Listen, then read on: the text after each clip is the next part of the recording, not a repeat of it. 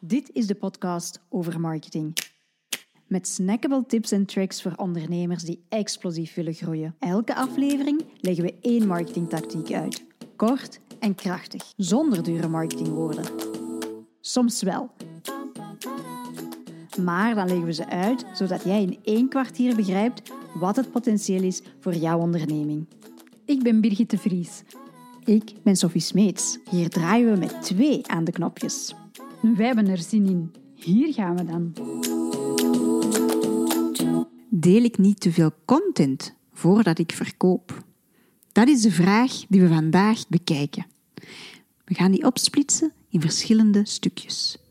Birgit, misschien kunnen we beginnen met wat is eigenlijk content? Ja, want welke content deelt je dan? Hè? Um, en wat is content? Ja, ik denk dat we daar niet te veel moeten over uitweiden. Ik denk dat iedereen wel weet dat er zeer veel soorten content bestaat. Er is trouwens ook zo'n meme uh, een paar maanden geleden geweest op social. Everything is content, everything is content. um, ja, alles is dus content, alles kan je gebruiken. Um, wel doelmatig, maar daar gaan we het straks over hebben. Dus ja, uh, het gaat ook veel verder dan social alleen.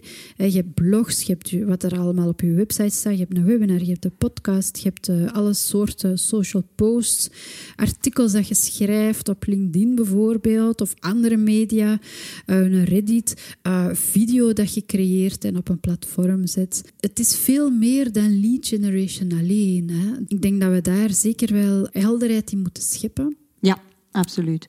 Um, ja, je kan ook kijken naar, naar stukken content over wie zijn we eigenlijk? Ja. Wat doen we?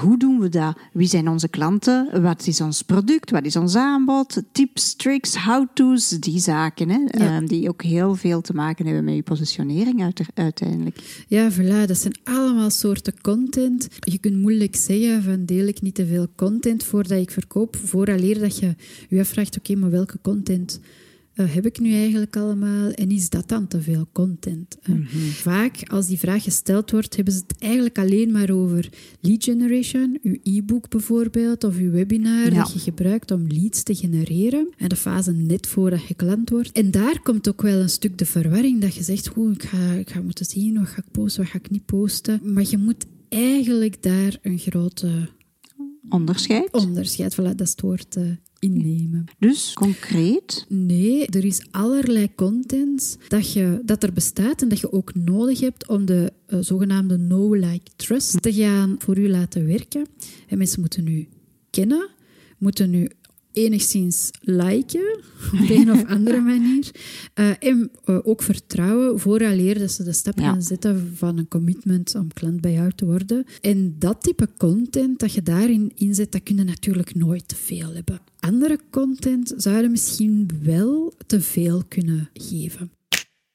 En de tweede vraag is dan, of het tweede stukje van onze grote vraag, deel ik niet te veel content voor ik verkoop? Welke content kan je dan nog gebruiken voor je verkoopt?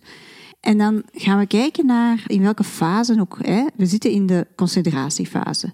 Dan ga je toch wel een ander soort content gebruiken om, wat je daarnet ook zei, die no-like-trust factor te gaan verhogen voordat je verkoopt, dan zitten eigenlijk typisch in die fase van consideratie van oh, ik heb nog heel veel vragen voordat ik echt beslis om te gaan kopen. En uiteraard, je lead generation, je e-book, je webinar dat je daarin zet, is een hele belangrijke, maar je hebt ook andere zaken. En vaak ga je daar ook bezwaren gaan behandelen. Waarom zou ik bij u kopen? Ja. Waarom ja, zeg maar. Waarom deze oplossing? Waarom, waarom ja. is dat een oplossing voor mij? Waarom zou ik daar investeren? Waarom zou ik daar investeren bij, bij jou?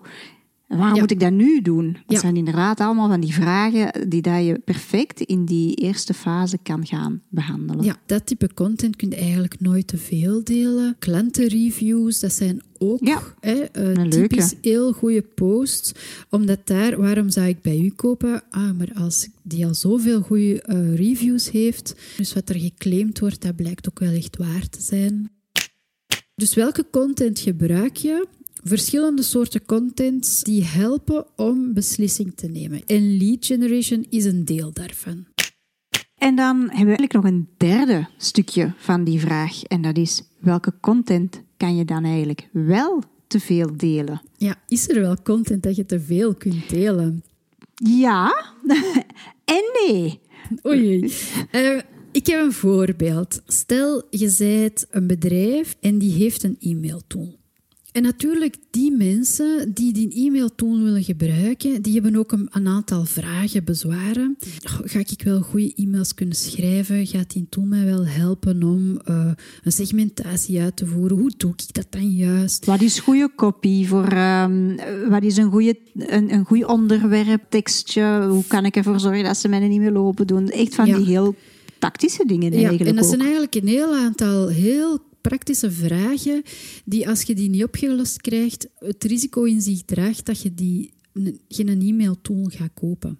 Ja, omdat ze met die vragen blijven Omdat zitten. ze daarmee blijven zitten. Dus wat doen die tools heel veel, is eigenlijk een heel platform uitbouwen met vragen die daar rondgaan en dus dat stuk ook oplossen voor hen. Nu stel dat je een e-mailmarketeer bent. Dat is dan toch wel een ander verhaal. Dat is een ander verhaal. Want stel nu dat jij als e-mailmarketeer zegt van oké, we gaan eigenlijk net hetzelfde gaan doen.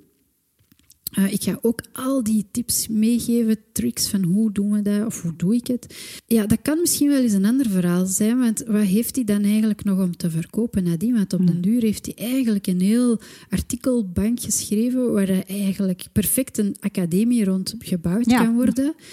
En dat hij eigenlijk gaat kunnen verkopen, of zij. Hè. Ehm, allee, dat is een beetje het verschil. Uw businessmodel Ja. Gaat een stuk ook bepalen welke content dat je gaat delen om mensen te overtuigen om met u in zee te gaan. En ik denk, ja, dat businessmodel, dat dat heel belangrijk is om, om in je achterhoofd te houden van wanneer ben ik hier te veel aan het delen, als je eigenlijk alles wat je echt verkoopt als eindserviceproduct al vooraf hebt gegeven, voordat er centjes over tafel zijn gekomen. Dat is misschien eh, net iets te veel.